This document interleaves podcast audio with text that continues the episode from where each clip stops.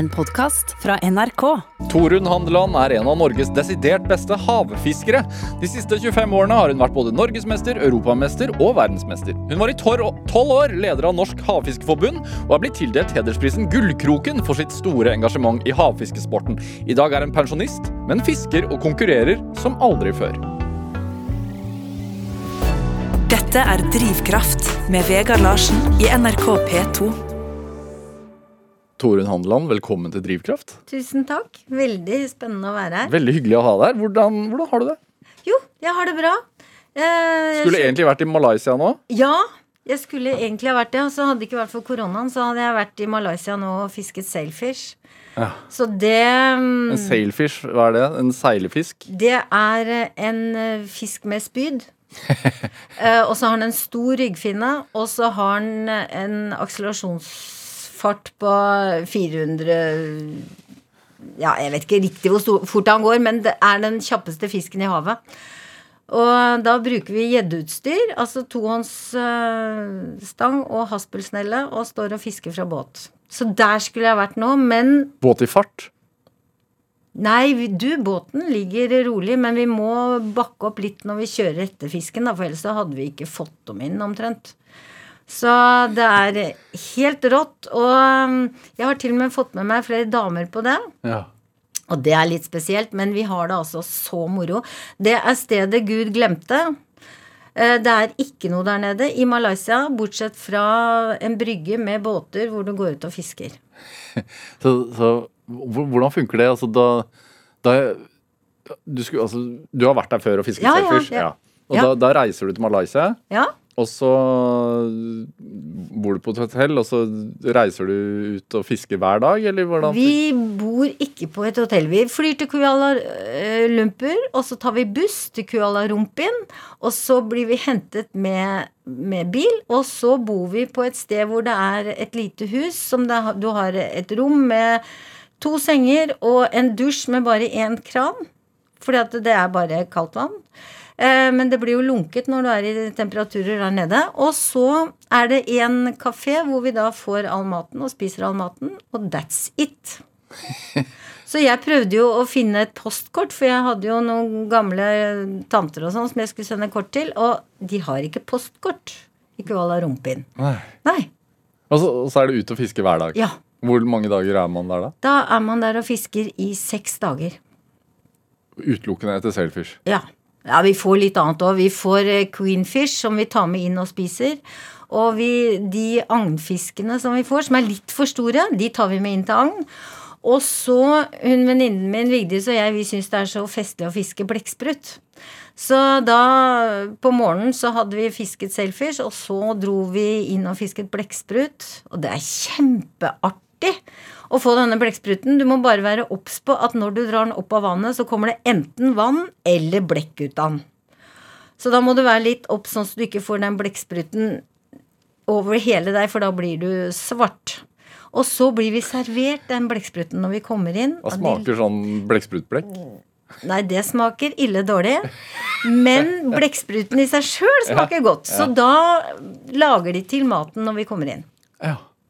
Er det en slags sånn pakketur, liksom, ja. som han har bestilt på forhånd? Ja, ja. ja, det er pakketur. Så vi skulle jo egentlig i fjor, og vi var eh, full gruppe. Men så kom koronaen, så ble den avlyst. Så fikk vi til godelapp. Noen, noen eh, fikk tilbake penger, andre har til godelapp, og så ble det jo ikke i år heller, så noen har fortsatt tilgodelapp til, til neste år. Ja, du? Ja, jeg blant annet. Ja. Ja. Men denne sailfishen, hvor, hvor, altså den, en av de raskeste, eller den raskeste ja. fisken i havet, hvor, hvor stor er den? den? Eh, den? kan bli ganske stor. Den største jeg har fått, er 50 kilo. da. Ja. Så da kan man tenke seg at jeg tenker 50 kilo Det er altså en voksen schæfer, stor voksen schæfer veier 40 kilo, så den er ganske ja. svær, da. Ja.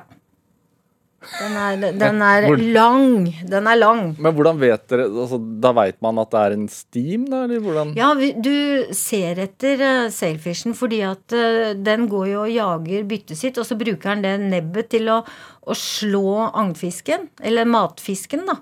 Og så ser du seilene, fordi at den ryggfinnen er veldig høy, så vi ser toppen av den gjerne Så vi driver også og søker og ser etter fisken, da. Og hvor mange timer er man ute i båten? Og vi er ute fra åtte til eh, fem, cirka.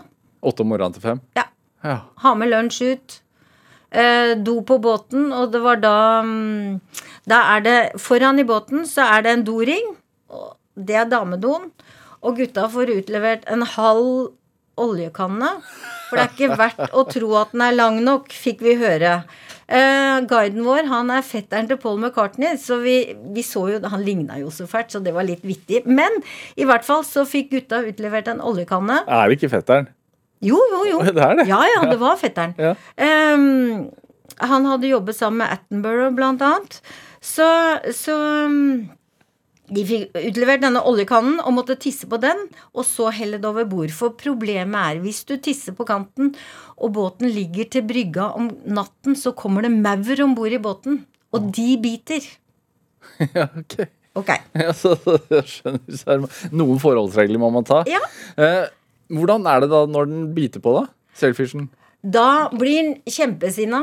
Ja. Han øh, slår og slår, og du står, og det rykker og river i stanga. Så det er bare å holde en 50, 50 ja. kilos tung muskel. Ja. Ja. En, en muskel i alt, og så bare raser den ut, så du lurer på går snella varm nå. Ja. Det er helt rått, de utrasene som, som Sailfishen har. Altså. Du blir eh, Ja. Bilal hadde vi med oss. Og de fleste vet jo, har jo hørt om Bilal, som synger, og som bor på Sørøya. Han var med et av de første årene. Og vi hørte han på mange hundre meter når, eh, når eh, Sailfishen beit på oss. Jeg, Ja, ja, ja. Det hørte vi. Ja, hva- hva slags- Så det er så rått. ja. Ja. Og hvor langt går den ut før 400 meter. Oi, oi, oi. Ja, det raser ut. Og hvordan får man den inn? Hvor lang er den Nei. kampen, da? Eller hvor lang tid tar den kampen? Nei, den kan gå fra mm, 20 minutter til eh, 40 minutter. Ja. Ja. Du er ikke Altså, Du blir du er jo ikke eh, Du er ikke en kjempestor dame. Du er ikke redd for å bli dratt over bord, da? Nei, nei. Men jeg sier det at det vi damene ikke har i armene, det har vi i huet, for vi er sta. Dette er Drivkraft med Vegard Larsen i NRK P2. Og i dag er eh, en av Norges beste havfiskere, Torunn Handland, her hos meg i Drivkraft på NRK P2. Vi var akkurat en liten tur i Malaysia, føler jeg. Ja, Ja, fast- Vi var det. Men, men altså Havfisking. Altså hva er Dumt spørsmål, men hva er havfiske, egentlig? Havfiske kan egentlig være så mangt. Eh, Når vi driver og fisker i konkurransemessig, så er det liksom alt fra Drøbaksundet og knøttsmå kroker og små arter til ut fra Sørøya og fiske stort kveite, torsk, skrei, lange Det er alt. Hvorfor, hvorfor holder du på med det og ikke sånn innsjø- og elvefiske? Jeg er litt der òg, da. Jeg er jo det. Um, så jeg fisker ørret og, og Særlig ørret, da. Fisker jeg. Men, eh, men eh, jeg syns det er veldig spennende i havet, altså, for du vet aldri hva du får på. Og du vet aldri hvor stort det er. Så det er eh, Nei, det er kjempespennende. Veldig artig. Men er det Altså, det, hvor mange dager I løpet av et år, hvor mange dager er du ute? Eh, Nå har det jo vært korona, så jeg er jo avhengig av å reise ut sammen med noen da, på båt. Så Ja, det har sånn vel fisk, og fisker generelt, tenker Ja. jeg. Så, så jeg vet ikke hvor mange dager, men det blir jo ja 30-40 i hvert fall. Ja. Sånn, sånn hvor jeg må reise bort. Ja. Er det Du sier konkurranse. Hvordan foregår det? Konkurranse, da det, De havfiskekonkurransene som vi har i Norge, da, de er arrangert av Norges Havfiskeforbund. Og de er over hele Norge. Det er havfiskeklubber over hele Norge. Um, så da er man medlem av en klubb, og så er det de som arrangerer da forskjellige festivaler, kaller vi det da. Ja. Og da er det Drøbaksund, og det er i Stavanger og Bergen og over hele landet. Og du, jeg bare gjorde sånn rask regna. Du har funnet ut at du har vunnet i hvert fall over 20 sånne festivaler uansett klasse. ja, Ja. ja. Men hva, hva skjer da på en sånn festival? Da går vi Enten så fisker vi mengde. Altså du går ut med båt, og så fisker du i fem timer, og så er det om å gjøre for mest vekt. Der hvor det er vektfiske. Ja. Og det er jo gjerne Vestlandet og nordover. Så fisker du vekt. Og da Hva er vektfiske? Det vil si at du veier fisken din når du kommer inn. Og da Sånn som jeg var jo på VM i skrei, og den ene gangen så hadde jeg vel eh, ja, mellom 400 og 500 kilo eller noe sånt på, løp, på fem timer. Men det var den gangen da fisken sto inne der. Det er ikke alltid at fisken kommer inn. Det vet de som har vært med på VM i skrei, at noen ganger så kommer ikke fisken inn til Lofoten. Og da er det litt kjedelig å være med på VM i skrei. Hvordan, Men veit du da hvor, hvor fisken er på forhånd? Eh, når vi fisker, så, så er det jo en del plasser som du ikke er så godt kjent, da. Så da kan du jo Det er jo en del apper du kan se på nå uh, hvor du skal fiske hen. Um, og så får, spør vi hverandre, da. Og det er jo alltid lokale båter, så du får litt De har litt peiling på hvor eh, fisken står hen, da. Mm, I mars når du dro opp den på 35 Ja. kilo, den skreien. Ja. Du, da var vi på Sørøya, og det er liksom skreiens Det er drømmeplassen du reiser til, altså. Jeg har vært der mange ganger. Um, Sørøya, hvor ligger det? Bare sånn uh... Sørøya, nord i Norge. Ja. Eh, overfor Hammerfest. De fleste vet jo hvor Hammerfest er hen. Der har vi en øy som heter Sørøya. Og det er jo en drømmeplass. hvorfor, hvorfor er det så bra? Og du, altså jeg har vært der på vinteren, og jeg har vært der på sommeren, og det er eh, herlig natur der oppe. Um, fiske by De har alt av fisk. Du kan fiske storskei om sommeren, og du kan fiske kveite om sommeren. Du kan fiske skrei om vinteren. Du kan uh, få stor uer. Du kan få alt. Og for de som liksom går på arter, så er det kommet en del småfisk, og det har kommet hvitskate, og det er Ja. Ja. Så det er alt der oppe. For Forholdene er, ligger godt til rette. Er det fordi at stimene passerer? Altså Det Ja. er noe med bunnen og Ja, altså skreien kommer jo fra nordfra og inn, inn til eh, Sørøya når den skal gyte. Så da fisker vi jo på gytefisk. Og da er det jo veldig mye kommersielt fiske der oppe. Og så blander vi småbåtene oss inn, da. Og fisker eh, sportsfiskerne. Men når du drar ut da på en sånn konkurranse, Ja. var det konkurransefiske da du dro opp den på Nei, 35? nei, nei, det var det ikke. Det var privatregi. Men er du da Har du, du, har du liksom Hva skal man si? Jazza deg på forhånd og sånn nå skal nå Altså Hvordan forbereder du deg sånn rent sånn mentalt? Du, du får alltid en sånn eh, Ja, i dag. I dag skal vi prøve å få den store. Og jeg har jo håpet på at jeg skulle passere 30 på skreien på Sørøya, men Hva er vanlig? Altså, hva er en sånn vanlig, du får I den perioden der så er det mye fisk som er rundt 20 kilo. Altså hannfisken er mindre. Så du må være litt taktisk, for hannfisken går gjerne øverst. Jeg tegner og forklarer, jeg nå. Det ser vi ikke på, på radioen. Eh, så hannfisken går gjerne øverst, og så må du hvis de står i lag, da. Men noen ganger så er disse her Du ser du enkeltprikker på ek ekkoloddet som kan være sånne store mad madammer. Så det er de du er interessert i. Og, og mm, da må du prøve å ligge litt over hovedstimen for å få de store. Ja. Og så håper du jo hver gang. Og så er du litt skuffet når du kommer hjem på 20, men det har du egentlig ikke lov til. Men du merker, merker du forskjellen? Ja, du kjenner det. Ja. Fordi at når du får de der største, så er det de som tar kontrollen. Altså, du kan ikke bare sveive opp en av de der store. De, da står de der, og de går gjerne ned.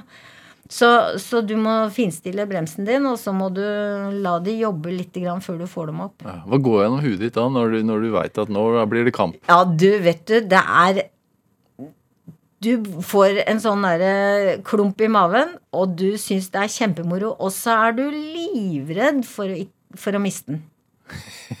Fordi at eh, skreien, og det samme med langene, og de kan rulle seg på snøret, så når de da begynner å rulle seg av, så får du sånne, sånne nøkk i snøret, så du liksom hver gang så slår det i magen, for nå tror du at den kanskje går. Er det litt sånn Altså, den opplever, altså, føler du da at du er ordentlig sånn, i kontakt med sånn ur, urinstinktet ditt? Ja, altså du, du Dette her med at vi har sånn, er sånne jegere fra gammelt av. Ja. Um, ja, du kan si det. Eh, at du har den derre følelsen av at du er på jakt etter noe. Helt klart. Og jeg tror, selv om jeg er dame, så tror jeg mannfolka har akkurat den samme følelsen.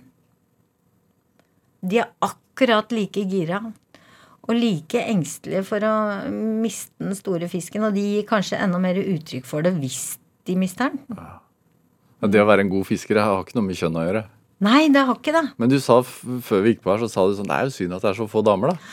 Ja, og det er det. Det er, det er kjempesynd, fordi at det er jo en artig opplevelse å være med og fiske, og enten du fisker smått eller stort. Altså Det er mange damer som sier 'Å nei, det klarer jeg ikke fordi at det er så tungt', og sånn. Men altså, det er ikke så tungt. Eh, når du har fisket en stund, så lærer du deg å bruke båten og sjøen hjelper deg med å, å dra inn så det ikke blir så tungt. Og Hvordan da? de vil alltid være litt i bevegelse, og hvis du da bruker den bevegelsen når du skal sveive inn, så, så får du Når båten da går mot sjøen, så kan du passe på å sveive inn, og så løfter du stanga di opp igjen når den går fra deg, så får du litt ekstra hjelp til å pumpe opp fisken. Så, så det at vi ikke er så sterke, det er ikke noe grunn til at vi ikke skulle fiske, altså. Men har du også sånn det at det er få kvinner, og du har jo vunnet mesterskap, konkurranser og sånn, uh, uansett klasse og uansett kjønn. Er det Har du opplevd, også, opplevd noen gang at ja, Kanskje ikke nå etter hvert at du har fått så mye meritter, da, men i starten av liksom din fiskekarriere at folk var sånn Ja ja, hva gjør nå du her? Ja. Jeg, jeg, jeg gjorde nok det, for jeg var jo ganske voksen når jeg begynte å fiske konkurranse. da. Um, Hvor, hvor, så jeg har passert 40, liksom. ja. Så, så det var nok en del som lurte da på hva jeg drev på med. liksom. Skal du finne en ny hobby? Og ikke var vi mange damer heller. Så Men ehm, etter hvert som de så at jeg fikk fisk, og at jeg kunne fiske, så var det liksom eh, Da var det helt greit. er man født med god fiskelykke? Ja, ja. Vi, jeg har en bror. Rolf og jeg, vi fisker veldig mye. Um, og så har vi en tredjebror, Ivar, som ikke fisker. Han har prøvd i alle år. Men altså, du kan jo lure på om det ligger noe i genene, i og med at vi er to stykker som er like ivrige på å fiske, da. Ja. Men hvilke kvaliteter er det som må være der, da? I bunnen?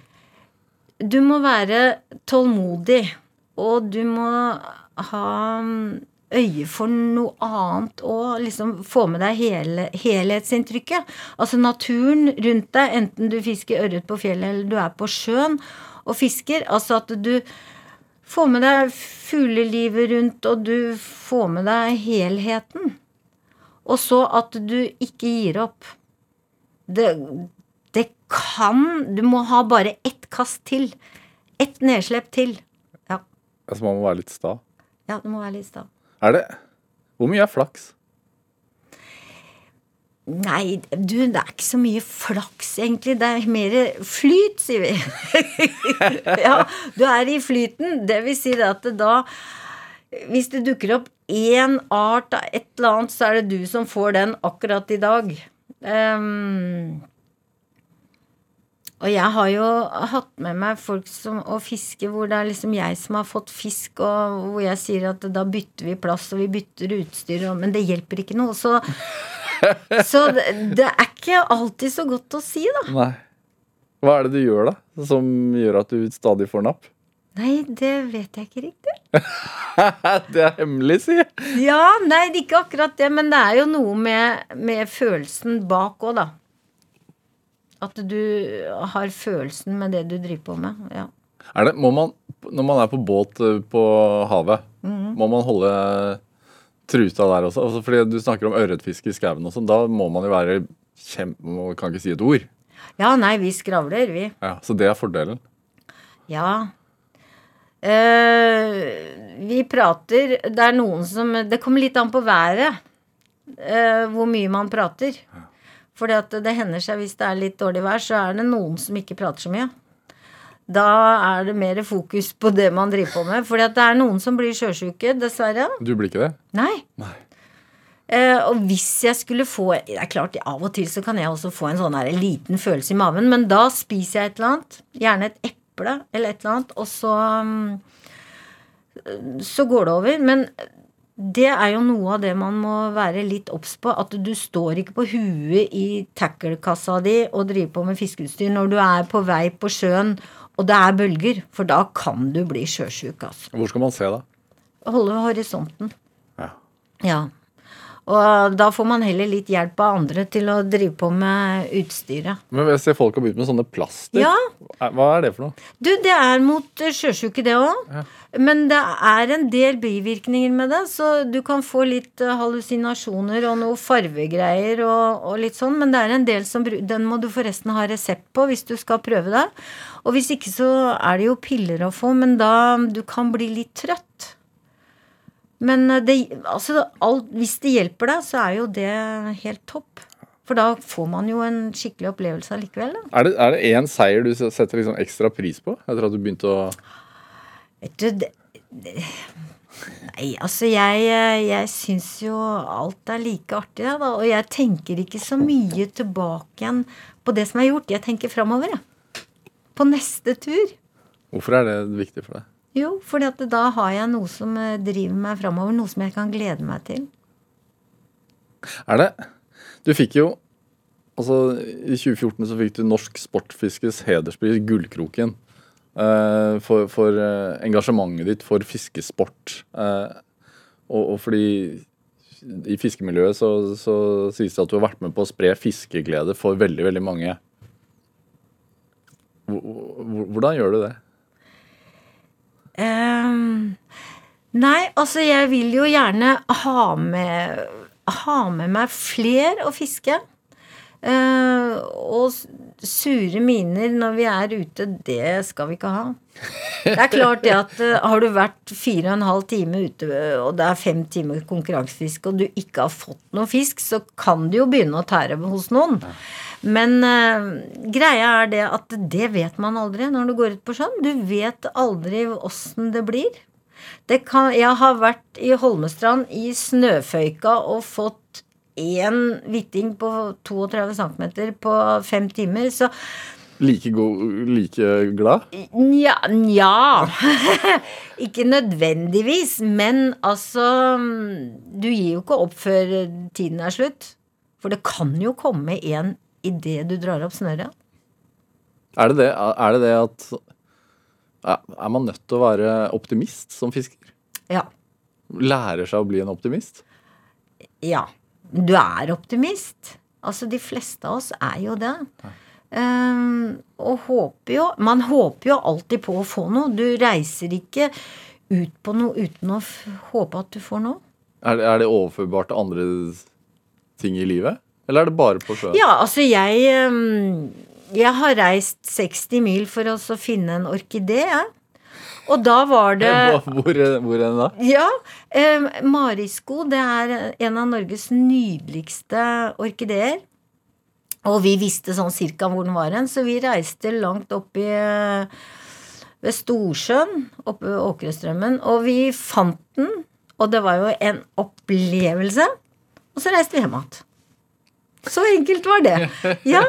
Og i våre så Jeg er litt på blomster og litt på alt mulig, men da Og så plukker jeg sopp. Um, og da reiste jeg hjemmefra og ned til Romerike for å se på en svartgubbe. Hva er det for noe? Det er en sopp som er veldig sjelden. Spiselig? Nei. Nei. Den er rødlistet, og den Jeg vet ikke egentlig om jeg kan beskrive åssen den ser ut, men ehm, den ser ut som en brun, skrukkete haug med et svart hull i Stort svart hull på toppen. Så du reiste langt bare for å Ja, få se den soppen? Bare for å se den. Ja. Hvorfor det? For jeg syns det var fascinerende. Ja. Ja. Så, så um, jeg tror det at dette med å være optimist, det, det eh, henger også sammen med følelsen du får av å se ting. I naturen, blant annet. Ja. Ja. Gleden over et napp. Ja. Over hva det kan være. Ja, ikke hva det kan være. Jeg hørte noen rykter om at du en gang hadde fått en bombekaster på, på snøret. Ja, det var vel ikke akkurat jeg som fikk den, men vi var ute og skulle fiske håkjerring. Hva er det for noe? Håkjerring, det er en hai som blir veldig gammel. En norsk hai? Ja, en norsk hai. Og den blir stor. Den, eh, en venn av meg, Asgeir, han har eh, norgesrekord og verdensrekord, tror jeg, på håkjerring, og det er 1100 kilo. 1,1 tonn Ja. Fisk. Og den er Den, er det sånn, ligger den, den er nesten, Eller er den på bunn? Den er på bunnen. Det er ikke den Nå har det jo vært litt fokus på brugde, men det er ikke brugda. For brugda blir større. Men, men dette her er eh, Håkjerringa, den spiser Den kan du fiske. Med, med krok og agn. Og vi var, vi lå i Trondheimsfjorden og skulle på 600 meters dyp og skulle fiske håkjerring. Kan jeg bare spørre om en ting før det? Ja, Er det hvor, Så finner man håkjerring over hele landet? Eller er det ja, en del steder er det i hvert fall håkjerring, men den går gjerne dypt. Ja. Og den er en snill hai. Så, så den, den biter deg ikke. Nei. Ehm, og den, eh, den har skinn som er ru som sandpapir. Så vi lå da på 600 meter, lå for anker på 600 meter, og Utafor Trondheim. ja, Ja. litt ute i Trondheimsfjorden. Og så Jeg hadde fått på noe som var eh, skikkelig tungt, og Fredrik han mente at den er over 500. Ja, så skal jeg begynne å sveive inn dette her. Og så Håkjerringa den ruller seg på snøret, så vi fisker da med 25 meter med vaier. Oi. Fordi, altså, Eh, fordi at Ja, ikke så veldig tjukk, da, men altså den er veldig sterk. Hva slags agn gum- bruker du da? Gummiert. Du, vi bruker hel sei. Ja. Ja, stor to, to kilos sei. Um, og en kilo med søkke, så det er veldig tungt. Det er tungt fiske. Men i hvert fall så, så fikk jeg på fisk, og, men så hadde jeg litt for skrå vinkel på Litt for spiss vinkel på stang og snelle, eller stang og snøre, så det, stanga brakk. Og snøret røyk. Så sta kjerring i begge hender, det gikk dårlig. Så den fikk jeg ikke opp. Men så skulle Fredrik prøve, og han, eh, han slapp ned. Og du har en fisk i Trondheimsfjorden som er en svart skate som bare lever der. Og dette her han fikk på, det skjente Den er svær, den òg. ja, den er svær, den òg. Så dette her skjente og dro, og det var to svensker til som var med. Og han ene han så vi bare rumpa på, for han hang over rekka for oss å filme når dette her kom opp. Og så, så går det jo en stund å sveive opp dette her, og det skjener frem og tilbake, og Fredrik var så sikker på at dette var en skate. Og så hører vi bare fra han som står med rumpa i været, at hvilken jævla granat! Og da eh, ser vi på hverandre, og så ser vi på Fredrik, og Fredrik haler da opp en bombekastgranat som er eh, Ja, hvor mye er det, da? 70 cm? 80? Ja, en sånn, sånn, sånn som er butt i enden, og med, med vinger da ned på sidene, og i det ene Rett og slett en, en bombe Ja, som dere drar opp. ja. Og da i den ene vingen så er det et hull, og der sitter en 17-0 Super Mutu. Det er da de store sirkelkrokene vi bruker etter håkjerringa. Så han tar den da forsiktig ut, og så lurte vi litt på hva gjør vi nå? Jo, det blir catch and release. Og så var det forsiktig å sette den ned igjen, og så sto vi der. For vi lå jo for anker, så vi kunne jo ikke gjøre så mye annet. Nei. Så vi visste ikke riktig hvor lenge vi skulle vente før vi kunne juble, da, at dette her var i orden. Så ja. Så det var en bombe fra krigens dager som, Ja, som var For det er nok et sånt eh, dumpefelt et eller annet sted i Trondheimsfjorden, så det var nok noe som hadde kommet litt på avveie. Men eh, det var ekstremfiske. Så det var liksom øh, hva, Ja vel. hva, Fikk dere varslet om dette her, da? Eller? Nei. Nei, vi sa ikke noe om det, vi. Nei. Ikke før nå, si. Nei, nei. Så um, På bunnen på, hva, på 600 meters dyp, 600 meters dyp, ja. så ja. må være litt forsiktig utafor ja. Ja. Men det er ikke så mange som dykker ned der, da. Så vi var nok um, Du Ja. skal være glad det gikk bra, si. Ja da! Ja da. For de kan visst bli Altså, nå vet jo ikke vi om det, hva det var, egentlig. Vi sjekka jo ikke det ut. Vi bare tok en catch and release og satset på at dette går bra. Ja, sikkert, sikkert det smarteste å høre i den situasjonen. Eh, Torunn Handeland, vi skal spille litt, eh, litt musikk. Ja. Jo, du, for øvrig, eh, jeg har sett på film sånn når vi først snakker om bomber og fisking. Ja. Eh, jeg vet ikke om det, men at folk driver, kan fiske med eh, dynamitt og sånn. ja, har du Er det sant, eller er det bare Ja, folk gjør det, men det er noe fæle greier, altså. Ja. Ja. Hvor gjør man det? Nei, da tror jeg du må i utlandet. Ja. Ja. det- du- Du har ikke vært med på noe sånt? nei, nei, det har jeg ikke vært med på. Jeg holdt meg til den som vi slapp ut, jeg. Ja. uh, vi skal høre litt musikk. Du har med uh, The Sound of Silence, men ikke den kjente versjonen. Nei, Nei. altså nå er jo jeg sånn 60-70-talls, ikke sant? Uh, med musikk og veldig altetende. Og um, Simon Garfunkel kom jo med denne her, og jeg var jo sammen med venninnen min og så manndomsprøven den gangen den kom, og det var liksom sånn Oi, da var det Liv og jeg og bare mannfolk i salen. Alle trodde jo det var noe helt annet enn det var den gangen den kom. Men Disturb, eh, den fikk jeg høre på Sørøya, så det er liksom blitt litt sånn Sørøya-låt for meg, på en måte. Um, og hvis du Nå er videoen der er jo veldig beskrivende, men det er um, det er jo litt synd egentlig at Simon Garfunkel fikk så rett i beskrivelsen av hverdagen som en del opplever nå med bare med bare digitalt, ikke sant, med telefoner og sånt. Så det, den er eh, Men hva, hva tenker du når du hører den? da? Ja. Jeg tenker det at eh, å, folk må være med ut i naturen og ut og oppleve noe, istedenfor å være opphengt i eh, bare telefonen sin, for eksempel. Sette pris på lyden av stillhet, rett og slett? Ja.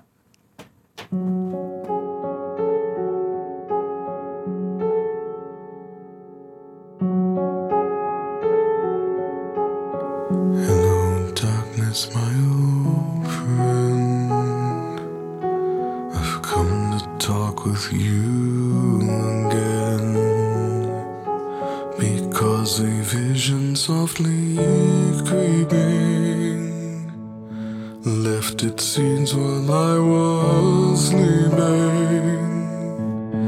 And the vision that was planted in my brain still remains within the sound of silence.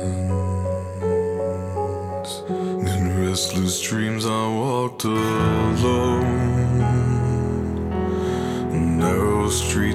come on, stone.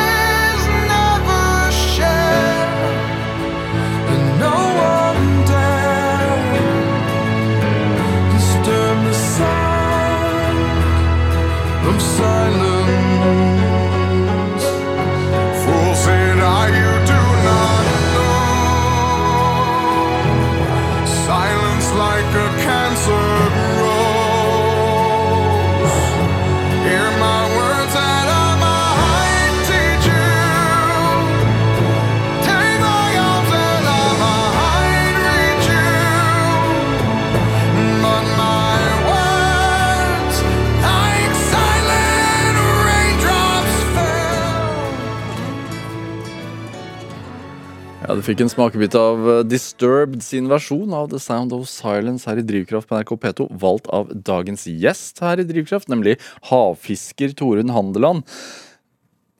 Altså, du er fra Manglerud i Oslo. Ja.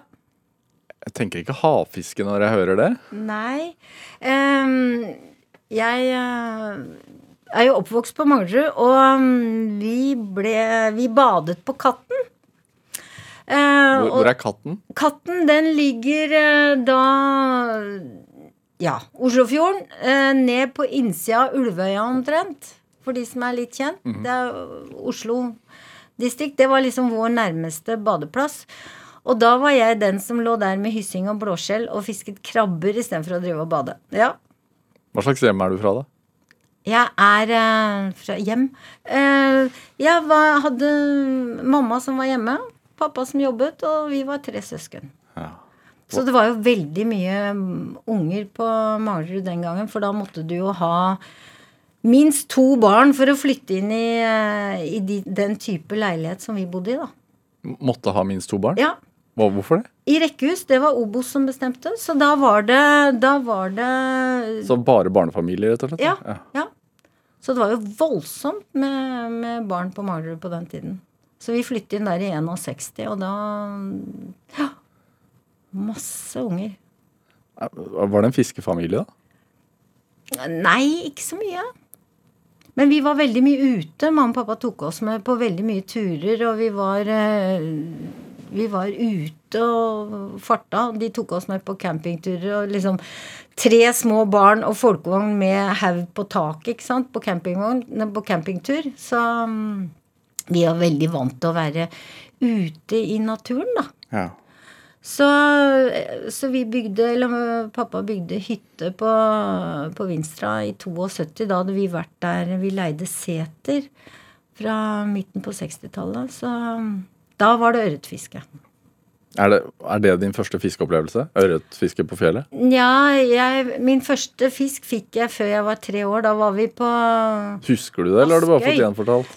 Den har jeg vel fått gjenfortalt, men, men eh, jeg har jo et bilde da, hvor jeg står med min første Da var det pale, småsei, fra Askøy. Og da var det vel rett før jeg fylte tre år. Er det Blir man gjerne smitta av sånn fiskeglede i ganske ung alder?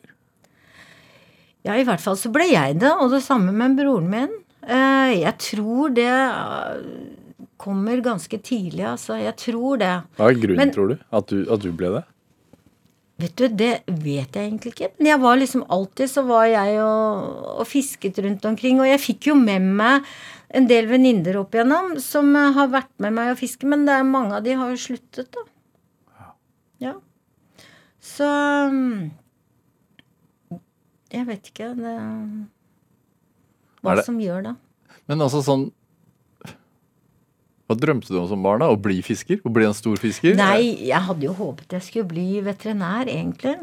Eh, for jeg var jo veldig glad i dyr. Så, mm, men artiumen min tilsa ikke noe veterinærstudie. I hvert fall ikke i første omgang, så jeg begynte på Jønsberg.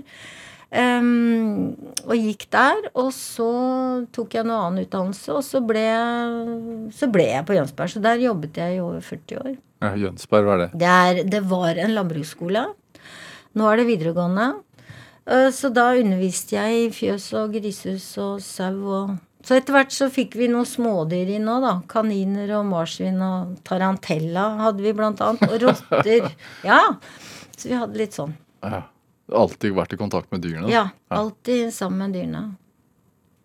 Så Og skulle vi ha noe utferdig med fisking, så var det jo jeg som ble med på det, da. Men der, altså, Nå har du slått deg ned i Stange i Hedmarken. Ja. Heller ikke noe sånn eh, Nei, ikke noe voldsomt salt hav- der heller. Havfiske der heller. Nei, så jeg må jo, jeg må jo farte litt, da. Ja. Ja. Men altså, du sa at du begynte som havfisker i 40-årsalderen. ja, det var konkurransefiske, da. Ja. Ja. Ehm, For før det så hadde jeg jo fisket Vi var jo oppe på Hitra og leide et hus der og fisket der, så jeg har jo fisket mye i sjøen allikevel. Men konkurransefiske begynte jeg med da. Så, mm, og det har jo fått meg over hele Norges land, og jeg syns jo det er øh, veldig festlig. Og Hvorfor, hvorfor ikke før? Nei, du, vet du, vi syns jo det var litt så litt sånn sært ut, da. Det må jo si det. Um, og så prøvde jeg å melde meg inn i Oslo Havfiskeklubb i 1972. Når de ble stiftet. Men uh, da fikk de ikke lov til å ha med damer. Oi. Nei. Så, Hva? vi, så venninnen min og jeg, vi ble nekta å være med, vi da. Hva var grunnen til altså, det? Var, Nei, var sånn det var? Skulle, nei, men de skulle ikke ha med seg damer, for da kunne vi risikere at det var noen andre som ville være med. Så det var eh, De skulle ikke ha med damer. Nei. Mennene ville ha det for seg sjæl? Ja, de ville ha det for seg sjæl. Er det og, og sånn har det blitt, eller sånn har det nesten vært også. Det er ikke så mange damer. Nei, vi er ikke så mange damer, og det er veldig synd. Det er jo, det er jo mm, en del damer, eller noen få damer som er med, og de, har jo gjerne, de er jo gjerne med fordi at mannen er med, da. Så de er med, og det er jo litt synd at det ikke er flere som tar kontakt med Hva er grunnen, tror du? Nei, det kan jo være at det, det, er, det er nytt og kanskje litt sånn at man ikke tør.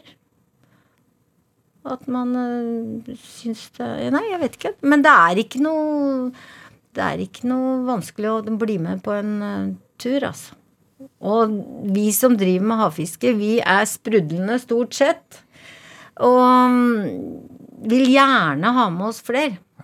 Så det er liksom bare å spørre. Er det Hvor mye fiskeutstyr har du? Oi, det var eh, noen kubikk, tenker jeg vi sier det. Um, fordi at det blir veldig mye, og jeg og jeg er ikke spesielt der, altså. Du skal se Nå når vi driver og fisker småfisk, så går vi i perler. Hva er det for noe? Vi, du har sett masse små perler. På Panduro så får du kjøpt veldig mye perler. Ja, Som du kan lage halsbånd og sånn av. ja. Sånn som barn driver med. Ja, som barn driver på med. Men da skal du se pappaen har eh, Spør om å få se på noen av perlene til gutta som fisker. De har mer perler enn døtrene, for å si det sånn. Ja. Så, så vi Det går veldig mye i masse forskjellige perler og Som man har på snøret. Ja. Hvorfor er det en Nei, det er som attraktor, heter det. Vi skal tilkalle fisken, tror vi. Så det blinker under overflaten? Ja da, og det er rosa og gult og selvlysende og hvite perler, ja. Tror vi, ja. Ja, vi tror. Vi vet jo ikke, men vi tror. ja. Ja. Hvordan, hvor viktig er det med, altså med kro, altså forskjellige kroker og Altså, forskjellige kroker. Vet du, vi kan sitte en hel natt og prate kroker. Det har jeg gjort. Eh, men, men det er klart at det Hva er Hva prater man om da? du, pra, du prater om typen krok, hvor tykt den er i godset, om du skal ha en bikrok, altså en krok som er bøyd, som ser vanlig ut, eller om du skal ha en sirkelkrok som ser ut som en G. Um, Er det er mye overtro her? Eh, nei, jeg tror ikke det. Det er mer sånn hva du, hva du syns er best å, å bruke. Har du en favoritt? Eh, jeg har vel fler. Det kommer litt an på hva jeg skal fiske.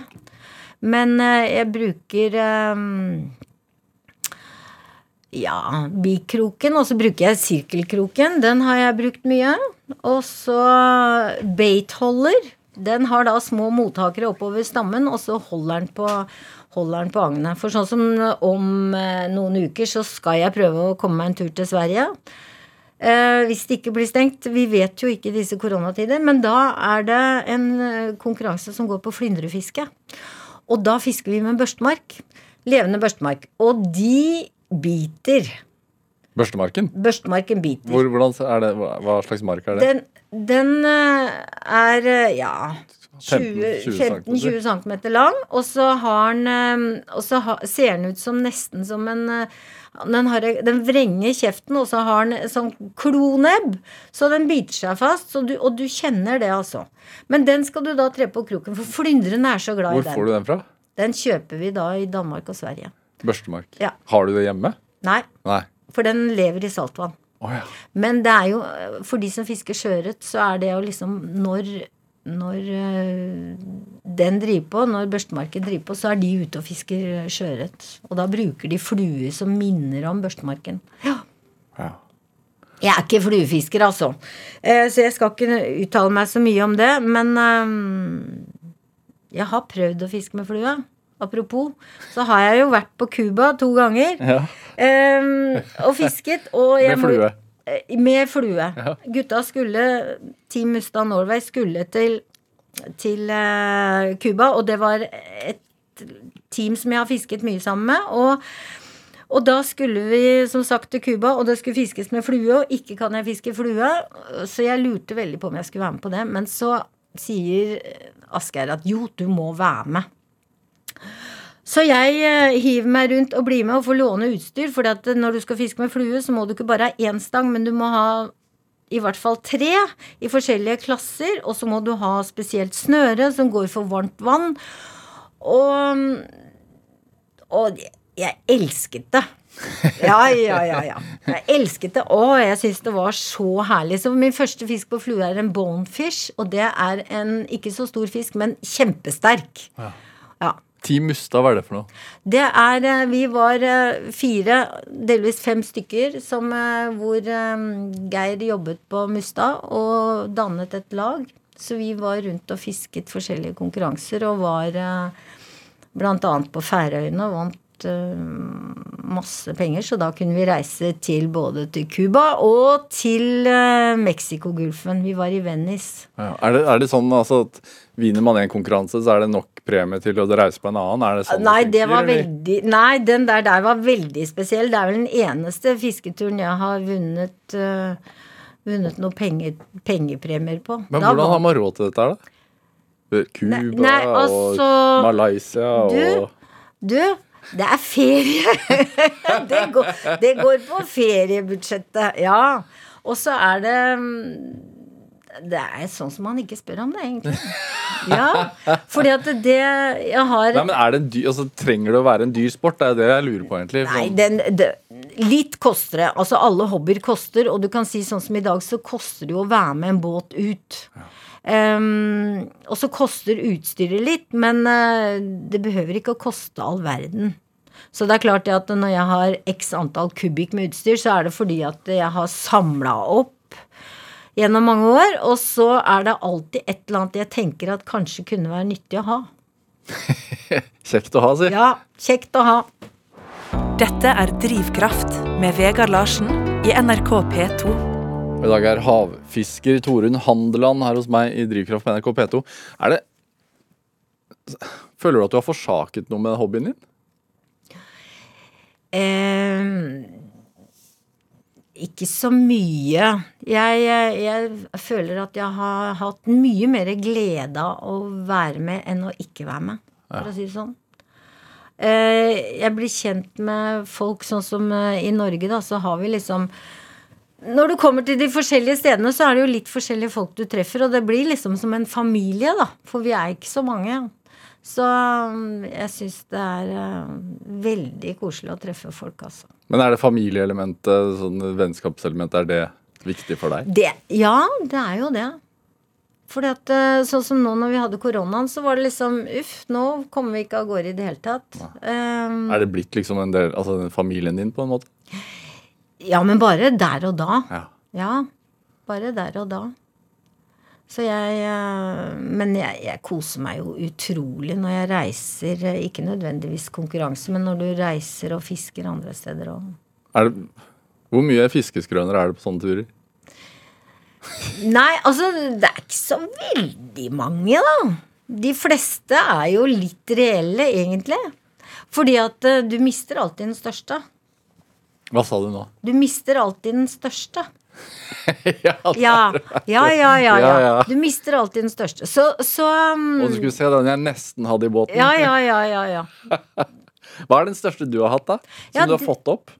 Den største jeg har fått opp, det var eh, en, en marlin. På, da vi var på Hva er en marlin? Det er um, en kjempestor fisk. Um, en blue marlin. Det er jo en egen type fisk. Uh, den var vi nede på Kapp Verde for å få. Geir Sivertsen og jeg, vi reiste til Morten Ruud. Han han hadde en seilbåt der nede, en katamaran. Og da var vi der nede og fisket og fikk på fisk, og da hadde vi standup, dvs. Si at du står i båten, du sitter ikke i en sånn stol som du ser eh, de andre gjør. Så vi sto, og jeg hadde sela som da går under rumpa og bak ryggen. Du er bundet fast. Nei, jeg sto løst, men stanga står fast. Så jeg har liksom, Ja. så jeg har liksom støtte i beina, da, kan du si. Du kan bruke beina. Og, um, og når dette her gikk på Jeg brukte vel eh, ja, 45 minutter på å få den inn. Men det som skjer, er det at når Malin når den kjenner at den er på snøret, så kan den begynne å gå ned. Og hvis den går ned til 500 meter, så, så dør den, og så, da får du den ikke opp. Du har ikke sjans til å få opp en fisk på 200 kilo som er død. Så da slakker de helt på, på bremsen, og så kommer den opp igjen. Og så var det jo en av gutta som skulle prøve meg, da, liksom, fordi når jeg står og kjører denne fisken, så tok hun og stramma bremsen litt. Så da var jo jeg omtrent på tur over rekka, ikke sant. Så han tok jo bare tak i ryggen på meg, bare holdt meg litt der, da, og så løsna han bremsen litt igjen. Men det er krefter i de fiskene, altså, så du, du må justere utstyret du har med deg. 200 kilo. Ja. Det er som en ponni. Ja. En ganske stor ponni. ja. Men det er kjempemoro. Men hvordan får du den opp i Så båten? den, nei, du, den tok vi ikke opp i båten. Det var catch and release. Ja. Så vi hadde den, eh, vi hadde den inntil sida og tok bilder, og så slapp vi den ut igjen. Er det, hvordan er det for fisken å bli fanga, tror du? Den blir nok litt stressa. Ja. Det gjør den. Men, men eh, vi gjør det jo så fort som mulig, og så slipper vi den ut igjen. Det, hva tenker du om de som kritiserer sånn eh, Ja, ja, jeg er klar over det, Altså, det er jo en del som eh, Grimasen du kom med nå, var talende. Bli, blikket. Blikket, ja. Eh, nei, altså det er en del som, uh, som ikke syns om catch and release. Det er jeg klar over. Men uh, vi gjør det så skånsomt som mulig. Og, og de fiskene som vi ikke har bruk for, de slipper vi ut igjen. Så eh, ellers så, så tar man jo med seg hjem eh, mye fisk ellers. Men eh, de som vi gjerne vil at skal for, fortsette å, å være i havet, de får lov til det. Så det er, man, man, man, det er kanskje ikke sportsfiskerne som gjør at det går, går dårlig med fiskebestanden rundt omkring? Nei, jeg tror ikke det, altså. Jeg ser jo sånn som Oslofjorden nå, den er jo, den, den er jo utsatt nå. Eh, Det er veldig lite Vi opplever at det er mye småfisk, men det er ikke noe større fisk. Hvor, hvor viktig er det for dere? Nei, altså vi hadde jo matauk, kan du si. Altså vi var jo ute og fisket i Drøbak på søndager og fikk noen seier som vi kunne ta med hjem, da, og det får du ikke lenger. Hva tenker du om det? da? Nei, det syns jeg er uh, veldig stusslig. Så de må jo finne ut av hva, hva er årsaken. Og det er vel ikke bare én ting. Det er uh, Det er kloakk, og det er uh, avrenning, og det er mye som spiller inn der, altså. Merker du stor forskjell på det? Fra, Ja. altså, fra du startet opp med Ja, sportsfiske ja, ja. til nå? Ja. I Oslofjorden så er det merkbart. Det er det. Så, og vi ser det også på en del av vegetasjonen nå, at du får på grunn av en del steder så får du sånn grønt eh, Det er vel algevekst, da, men det er nesten som sånn slim. Sånn grønt slim. Ja. Så det er eh, Jeg håper de tar tak. Hva med andre steder i verden? da? Ja, altså vi, vi ser jo at det er mye søppel rundt omkring der hvor vi, når vi er ute i verden ellers. Det er uh, mye plastsøppel. Dessverre. Det er det. Er det litt sånn, tenker du, at sportsfiskerne er egentlig mer glad i fisk enn andre? Å spise, tenkte du? Nei, sånn Nei, sånn generelt? Ja. Jeg tror altså mange av sportsfiskerne de har jo på en måte gjort det Noen har det som levebrød òg. At de er biologer og, og marinbiologer og jobber med det. Noen eh, selger fiskeutstyr. eh, Og har jo veldig mye erfaring da når de kan eh, Når de kan leve av det. Ja. Hvis man, altså, hvis man har lyst til å dra på fisketur, ja. eh, men er litt sånn skeptisk Mhm. Hvordan overtaler du dem? Hva liksom det, hva er det beste tipset ditt? at det er en opplevelse å være med. Ja. eh, at man koser seg. At du Du får oppleve noe som du nødvendigvis ikke har gjort før. Hva trenger man som nybegynner, da? Du trenger ikke så mye, for det er alltid en eller annen venn som har utstyr. Så du kan låne, og det, det syns jeg er greia. At man låner bort, i hvert fall de første gangene. For du må investere litt, og da er det veldig greit at du vet hva du går til, egentlig, før du kjøper inn utstyr. Ja. Så er det kanskje en fordel hvis det er pent vær, da. Ja. ja. Veldig pent vær. Nei da. Også at det er litt fisk. Og det gjelder jo eh, Sånn som hvis jeg får spørsmål om hva skal jeg gjøre for å få en eller annen til å bli interessert i fiske. Altså, det er ikke så enkelt, men i hvert fall ta dem med til steder hvor det er noe fisk, da. Når er du som lykkeligst på fisketur, da? Åh. Nei, du, når du er på vei ut